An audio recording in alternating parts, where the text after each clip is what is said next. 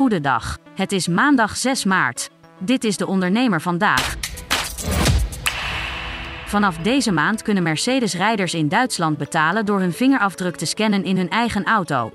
De betalingen gelden voor nu alleen binnen de eigen apps van de fabrikant. Later dit jaar kunnen ook bijvoorbeeld tankbeurten op deze manier worden afgerekend en kunnen Mercedes-klanten in de rest van Europa de dienst gebruiken. De financiële gezondheid van Nederlandse huishoudens is het afgelopen jaar gedaald. Was in 2021 nog de helft van huishoudens financieel gezond, vorig jaar ging het nog om 4 op de 10. Dat melden accountants en advieskantoor Deloitte, budgetinstituut Nibud en Universiteit Leiden op basis van gezamenlijk onderzoek.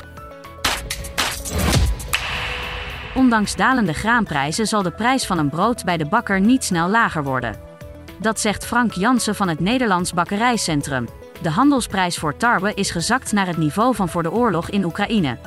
Maar omdat alle overige kosten voor bakkers zijn namelijk gestegen is van een prijsverlaging voor brood geen sprake. De Duitse modeketen Peek en Kloppenburg heeft uitstel van betaling aangevraagd. Het bedrijf dat vijf winkels in Nederland heeft, wil op die manier tijd krijgen om een al ingezette reorganisatie te kunnen versnellen. Alle 67 filialen in Duitsland, Nederland, Oostenrijk en Polen blijven open.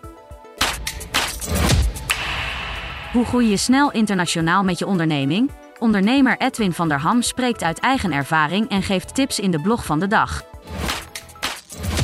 Tot zover de ondernemer vandaag. Wil je meer? Ga naar deondernemer.nl. Een stip met een microfoon. Voor een ondernemer die durft te dromen van het grote succes. Een ondernemer die in de spotlight stapt om de vakjury te overtuigen van het gouden businessconcept. Dag David. Hi Ben. Welkom Nick. Christina. Ben je er klaar voor?